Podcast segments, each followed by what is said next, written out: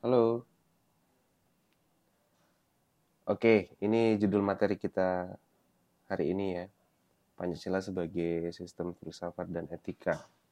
Tapi sebelumnya saya perlu memberikan orientasi tentang uh, sorry memberikan introduksi tentang apa itu filsafat karena saya yakin nggak semua dari kalian yang hadir di sini uh, paham apa itu filsafat. Mungkin sudah pernah dengar ya, tapi masih ini ya menebak-nebak lah apa itu filsafat gitu?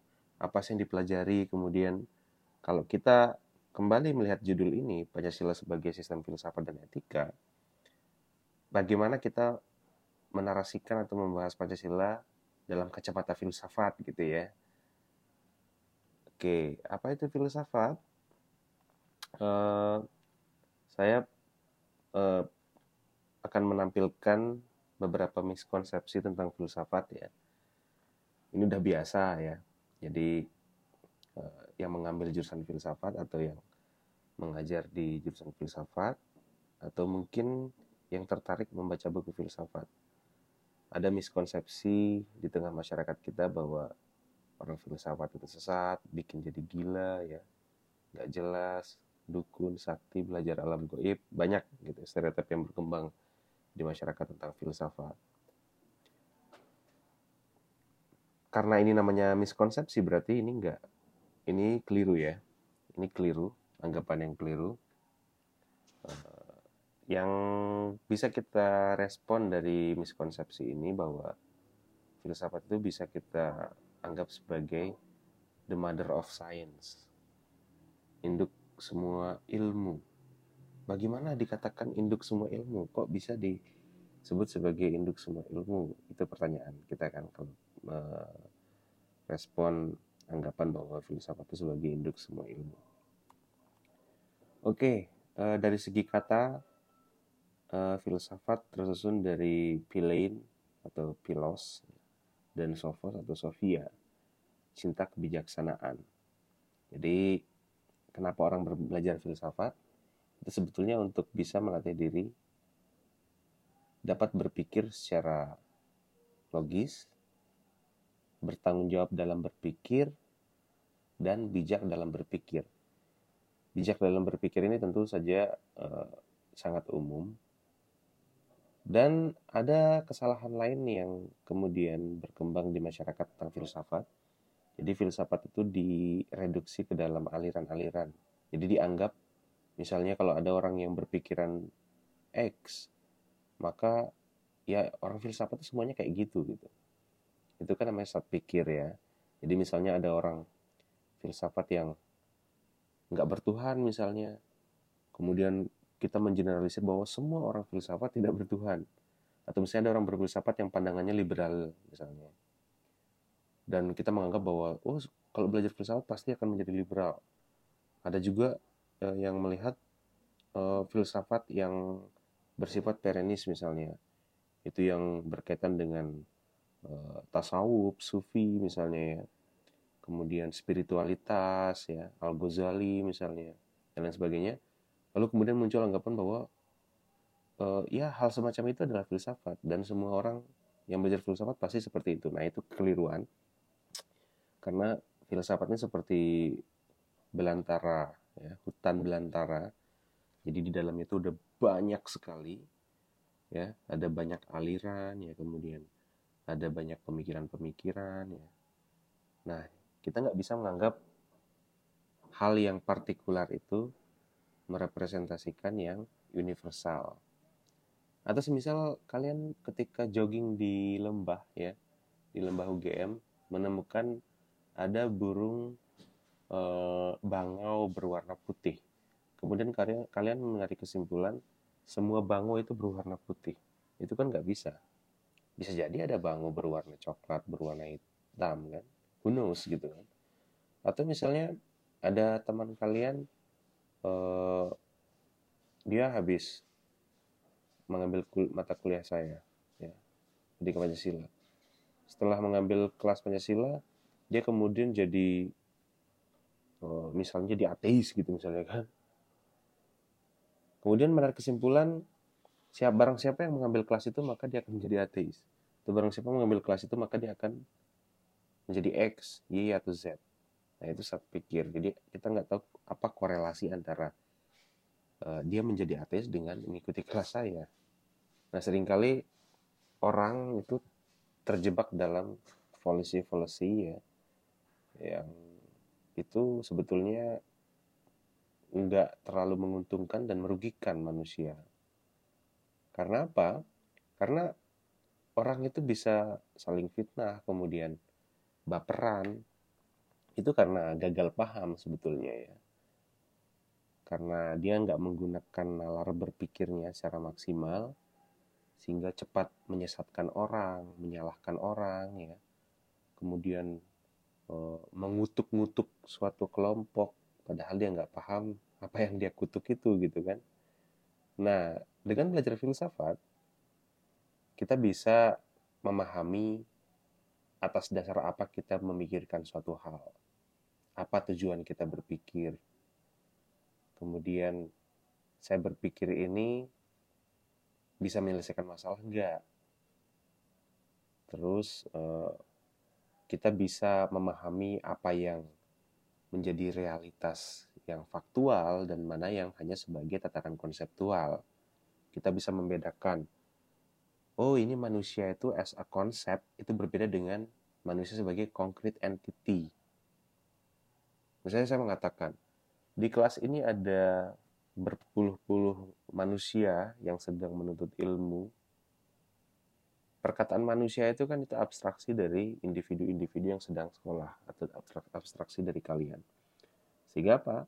Ya filsafat concern di bidang itu yang mungkin orang nggak memikirkan ya antara misalnya konsep dan uh, bentuk konkret dari konsep itu seperti apa. Seperti justice lah, kita kan nggak pernah melihat justice itu seperti apa kan? Karena itu tataran konsep kita. Kita mengabstraksikan kondisi-kondisi tertentu yang kita anggap sebagai kondisi yang berkeadilan. Lalu kita punya konsep tentang justice, kita punya konsep tentang cinta. Karena sejatinya kita nggak pernah lihat wujud dari cinta itu. Cinta sebagai konsep itu abstrak, tapi cinta sebagai implementasi yang konkret itu yang kemudian uh, kita sebut bukan berhenti pada tataran konseptual. Oke, apa yang dikaji anak filsafat itu atau ketika belajar filsafat itu apa yang dibahas sebetulnya ya? Oke, ada orang yang mikir, oh filsafat itu cuma ngomongin kayak quotes quotes gitu, kayak filosofi padi gitu ya. Nah, saya juga sama memahami hal itu juga ketika masuk eh, dulu masa SMA atau ketika tahu ada jurusan filsafat saya menganggap bahwa anak filsafat itu hanya belajar quotes quotes ya kayak gitu-gitu. Ternyata enggak. Nah di filsafat itu sendiri ada konsentrasinya ada banyak. Ada konsentrasi sosial politik ya ada konsentrasi etik ada konsentrasi iptek ya. Kemudian ada konsentrasi tentang uh, religi dan budaya. Itu empat konsentrasi yang bisa kita temukan dalam uh, filsafat terutama di filsafat UGM apa yang dikaji yang pertama, apa saja yang ada? Ini sepele kedengarannya ya, teman-teman. Apa saja sih yang ada gitu kan? Ini sepele tapi ini melandasi setiap ilmu. Oke.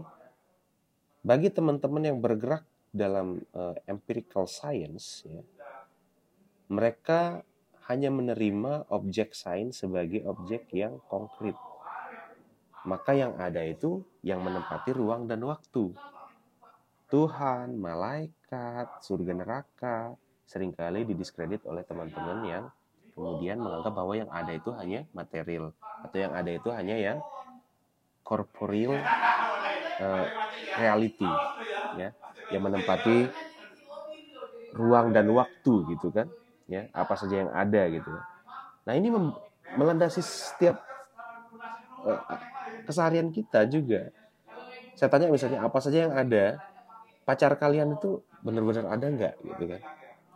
Kenapa kalian menganggap bahwa kalian punya pacar? Apa yang melandasinya? Apakah ada hitam di atas putih? Ada kontrak sosial di situ?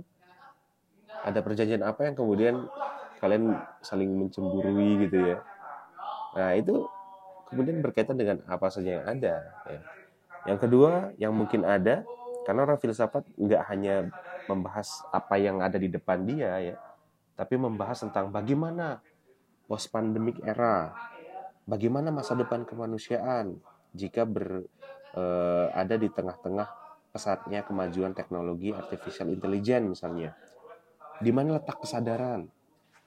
Apakah kesadaran itu ada di dalam hal yang bersifat material ataukah di luar itu gitu kan? Nah, itu yang juga dibahas dalam uh, Fakultas Psikologi. Ada namanya neuroscience ya. Itu ilmu yang mempelajari tentang bagaimana kerja kesadaran dikaitkan dengan pikiran, dikaitkan dengan bagaimana kerja saraf-saraf di otak gitu ya. Nah, menarik. Itu semua sudah dekat sekali dengan filsafat gitu ya. Misalnya ilmu peternakan lah. Oke, mungkin orang awam mengatakan bahwa ilmu peternakan itu cuma ngurusin hewan, ngurusin embek, ngurusin sapi gitu kan. Sebetulnya enggak. Kalau orang filsafat melihat ilmu kalian, itu kalian punya moral obligation, tanggung jawab moral untuk bisa berkontribusi dalam masa depan pangan nasional. Bagaimana masa depan masyarakat Indonesia jika kita kekurangan pangan? Bagaimana masa depan masyarakat Indonesia kalau semuanya kena kolesterol misalnya? Atau bagaimana mesejahterakan masyarakat yang berbasis pada uh, kultur agraris? Ya. Kalau kita, kalau kalian sudah punya pahaman yang seperti itu, itu berarti kalian sedang berfilsafat. Ya. Kalian bisa bertanya, babi haram dalam konteks teologi Islam. Tapi bagaimana hukumnya ketika kita memelihara kita menyumbangkan ilmu kita ya, ilmu dalam manajerial industri peternakan dan itu dipakai oleh teman-teman yang punya peternakan babi. Dan itu dikonsumsi oleh teman-teman Kristiani, oleh teman-teman yang lain ya, yang uh, teman-teman Hindu atau yang boleh makan babi. Lantas bagaimana? Oh, ada pertimbangan moral. Oke, itu haram, tapi ini kan dalam hal kemanusiaan juga. Lalu bagaimana? Nah, itu nanti datang para agamawan. Nah, ketika mereka mempermasalahkan itu, itu mereka sedang berfilsafat. Mempermasalahkan moral. Nanti kita masuk ya. Filsafat itu selain ngomongin apa saja yang ada, tapi juga ngomongin tentang pengetahuan. Tapi sebelum itu kita lihat ciri berpikir filsafat itu seperti apa. Jadi eh, ini kemudian membuat kita bisa paham ada banyak orang berpikir ya. Kita lihat mungkin uh, sekarang banyak orang mengenal filsafat gara-gara Pak Fahrdin Faiz yang ngaji filsafat. Ada Rocky Gerung misalnya, ada Martin Surajaya, ada banyak lah gitu ya. Bahkan Gita Wiryawan itu pun banyak menyinggung tentang filsafat. Sebetulnya apa sih yang membedakan antara orang hanya nongkrong-nongkrong ngobrol-ngobrolin hal yang nggak filsafat dengan yang filsafat itu apa bedanya? Ciri yang pertama radikal, ini sudah saya singgung juga di awal kuliah. Radikal itu bukan teriak-teriak mau jihad, mau apa. Ini jihad dalam arti yang salah ya. Mau membunuh orang, mau sweeping apa. Bukan. Tapi memiliki pemahaman yang radiks, yang mengakar. Sehingga apa? Orang yang berfilsafat, itu dia nggak akan mudah digoyangkan prinsipnya. Makanya kalau ada istilah jangan belajar filsafat nanti kamu ateis. Justru benteng terakhir dari agama itu sebetulnya ada di filsafat. Nah ini ini mungkin akan membuat kalian bertanya-tanya ya benteng terakhir dari agama itu di filsafat? Karena sekarang serangan musuh terbesar orang beragama itu bukan antar sama agama. Udah nggak lagi tuh. Kalian kalau masih di sini nonton YouTube YouTube yang perdebatan Islam Kristen itu tinggalkan lah itu ancaman terbesar orang beragama sekarang adalah koeksistensinya dengan sains. Orang itu banyak menjadi ateis karena dia tergila-gila dengan sains. Kenapa kita masih memegang agama padahal sains menyediakan jawaban yang komprehensif tentang kehidupan? Kenapa gitu kan? Oke, sebelumnya sampai sini suara saya terdengar jelas, teman-teman? Halo?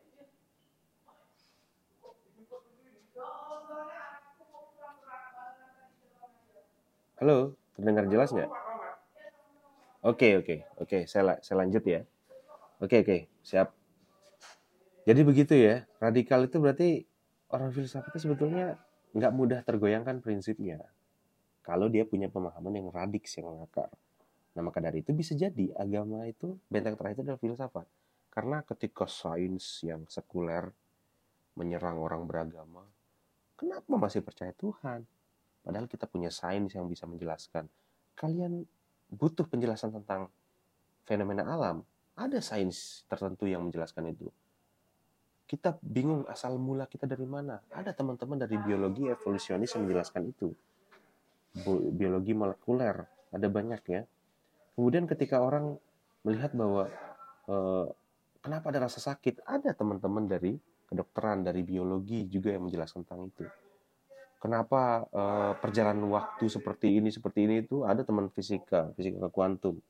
Nah, jadi literatur sekarang yang banyak dibaca oleh anak muda kemudian mereka menjadi ateis atau mempersoalkan agama itu sebetulnya adalah dari natural science ya, atau filsafat sains yang kemudian cenderung pada yang sekularis gitu. Nah, di situ jadi kalau kita sudah kemudian punya pemahaman yang radik semangkar, maka kita nggak cepat goyang. Nah, oke, okay, ada bilang kalau filsafat itu haram atau apa gitu. Nah, itu yang diharamkan itu bagian dari filsafat, bukan filsafat secara keseluruhan. Kalau kita baca At-Tahafut al-Falasifahnya Imam Ghazali itu sebetulnya di bagian awal itu jelas di forwardsnya itu jelas kritikannya terhadap Ibnu Sina dan Ibnu Arabi bukan kepada seluruh filsafat ya makanya teman-teman salafi misalnya mengatakan filsafat itu haram apa ya karena yang mereka anggap filsafat itu hanyalah ilmu kalam yang diajarkan oleh Ibnu Sina, Ibnu Arabi. Sedangkan cara untuk mengharamkan filsafat itu adalah proses berfilsafat sebetulnya. Mereka mempertimbangkan tentang pengetahuan yang benar, mempertimbangkan tentang realitas yang dibenarkan oleh agama ya dan kemudian mereka menganggap bahwa kalau ada pemikir yang menganggap bahwa dunia itu yang real hanya ini di setelah mati itu nggak ada apa-apa itu mereka tolak sebetulnya itu adalah aliran filsafat tertentu yang disebut sebagai naturalisme gitu ya. Ciri berpikir yang kedua spekulatif. Spekulatif itu kemudian nggak ada yang bersifat fix ya. Artinya uh, bersifat sorry nggak ada yang bersifat final kita berspekulasi aja kalau di filsafat ya. Artinya uh, tidak ada kemudian kekangan misalnya kalau di ilmu lain ada metode misalnya kan yang dianggap sebagai uh, suatu instrumen untuk memperoleh kebenaran dengan cara yang efektif dan efisien di filsafat metode itu kita bedah gitu ya dibicarakan jadi nggak hanya mengekor pada suatu metode tapi kita mempersoalkan juga metode itu. Jadi spekulatif, komprehensif itu nggak parsial. Kalau mendengar berita-berita yang di-share di WA itu nggak cepat percaya, lihat dulu hubungan logisnya dengan argumentasi yang lain, dengan kejadian yang lain. Open-ended, nggak ada akhirnya, jawaban itu bisa dipersoalkan dan menjadi permasalahan baru. Dicari lagi jawabannya. Tapi, ini di kelas eh, kelas eh, Fakultas Hukum kemarin saya ngajar ini juga materi yang sama. Ada yang bilang kalau filsafat itu semua ditanyain nggak ada batasan itu keliru karena apa karena filsafat juga ada batasnya orang bisa meragukan apa saja. Oke boleh ya. Tapi yang metodis cara meragukannya. Nggak semua diragukan ya. Mau jadi apa kita kalau meragukannya sampai ke akar-akarnya ya? Artinya apa? Keraguan-raguan itu pun itu harus metodis. Sehingga apa? Itu memang nggak boleh dihilang dari manusia sifat keraguan-raguan itu. Jangan bilang keraguan-raguan itu 100% negatif. Tanpa kalian punya sih uh, keraguan-raguan, maka kita nggak akan menganggap bahwa suatu hal itu perlu dicapai. Ya. Contohnya, saya ragu kalau sekarang saya hidup dalam zona nyaman, ya. Berkat keraguan-raguan saya, saya belajar, baca buku lagi ya. Oh, akhirnya tahu. Apa bedanya ragu dengan curiosity? Itu sebenarnya kakak adik ya Ketika orang tertarik penasaran, maka dia akan mempertimbangkan apa yang sudah diketahui sebelumnya. Lalu muncul, jangan-jangan yang selama ini aku tahu itu salah. Oke, orang ngomongin feminisme, aku benci sama feminisme misalnya kan. Kemudian kamu baca buku atau lihat ketemu sama orang lain yang wawasannya lebih luas. Seketika kita akan berpikir, wah jangan-jangan selama ini pemahamanku keliru tentang feminisme, keliru tentang X gitu ya. Dari suatu keraguan-raguan atas apa yang sudah kita capai, kemudian mendorong kita untuk curious ya, untuk uh, tertarik dengan hal-hal baru, lalu kita baca buku dan kita akan semakin tercerahkan. Jadi orang yang yang uh, enlightened ya. Jadi kita tercerahkan gitu. Nah ini uh, sedikit saja ciri berpikir filsafat yang perlu saya sampaikan di kelas ini yang tidak mungkin saya menyampaikan materi filsafat pengantar apalagi ya dalam waktu yang sangat singkat karena di Fakultas Filsafat pun pengantar itu satu semester itu pun masih sangat kurang ya kalau kita bicara pengantar. Dalam sistematika ini eh, kalau pusing dengan istilah-istilah ini abaikan saja nggak apa-apa, tapi setidaknya ada tiga ya. Eh, filsafat itu ngomongin apa saja. Yang pertama membicarakan tentang pengetahuan, hakikat pengetahuan ya teori pengetahuan bagaimana aku bisa tahu dari mana sumber pengetahuan mengapa itu benar dan ini salah nah itu itu semua ada dalam epistemologi ya. kenapa kita menganggap yang itu irasional yang ini rasional kenapa kita menganggap yang ini logis yang itu nggak logis ya. kenapa kita menganggap bahwa ada orang itu argumentasinya ngawur yang ini runtut benar gitu ya kenapa orang menganggap itu sebagai suatu kebenaran? Apa dasarnya gitu kan? Itu yang dibahas di epistemologi. Ada orang mengatakan kebenaran itu hanya bisa diperoleh melalui akal. Ada orang mengatakan akal itu ngikutin indera. Jadi kebenaran itu bisa kita dapatkan dengan cara mengindrai. Merasakan meraba mencicipi ya melihat mendengar. Di luar dari itu nonsense misalnya kan oke itu. Itu singkatnya ya epistemologi. Ada juga metafisika atau ontologi. Itu mempertanyakan tentang realitas. Apa sih yang ada? Apa hakikat yang ada? Eh, kenapa kita mengatakan suatu itu eksis dan yang lain tidak eksis? Kenapa kita menganggap bahwa yang ini ada yang lain itu nothing gitu ya? Itu singkatnya. Kemudian ketika orang ngomongin tentang justice tentang cinta tentang rasa sakit ya itu juga bisa masuk ke dalam epistemologi ya rasa sakit bagaimana itu dipahami ya. Tapi ketika kita mempertanyakan emang keadilan itu ada di realitas yang mana? Gitu ya. Itu masuk ke metafisika atau ontologi. Ada aksiologi membahas tentang nilai kenapa suatu itu dikatakan indah dan yang satunya itu jelek itu estetika ya itu masuk dalam aksiologi. Ada yang perdebatan etika kenapa suatu hal itu disebut baik dan yang lainnya buruk apa dasar kita menyebut bahwa nikah itu baik. Nikah itu menghindari keburukan. Kumpul kebo itu buruk. Apa yang membuat kita mengatakan demikian? Ya. Atau misalnya dalam estetika, kenapa kita mengatakan lukisan dari Avandi itu indah? Apakah indah itu hanya dalam persepsi saya atau dia indah dalam dirinya sendiri? Ya, it beauty, it is beauty in itself gitu ya. Nah, itu perdebatan aksiologi. Jadi ini antara ketiga ini itu saling berkaitan dia ya. Oke, ini singkat saja uh, yang saya sampaikan di sini. Untuk sebagai pintu masuk kita membicarakan Pancasila itu sebagai sistem filsafat itu seperti apa. Jadi kita harus tahu dulu filsafat itu seperti apa. Nah, ini bagaimana Pancasila sebagai sistem filsafat, ini nanti kita akan uh, bicarakan di pertemuan uh, minggu depan ya bagaimana kita mengkaitkan apa yang saya sampaikan tadi dengan Pancasila sebagai sistem filsafat. Oke, sampai di sini uh, saya cukupkan dulu karena tadi kita sudah berdiskusi juga. Uh, saya cukupkan kelas hari ini. Uh, jangan lupa presensinya.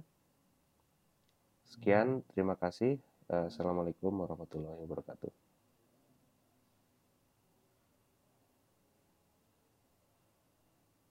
Oke. Okay.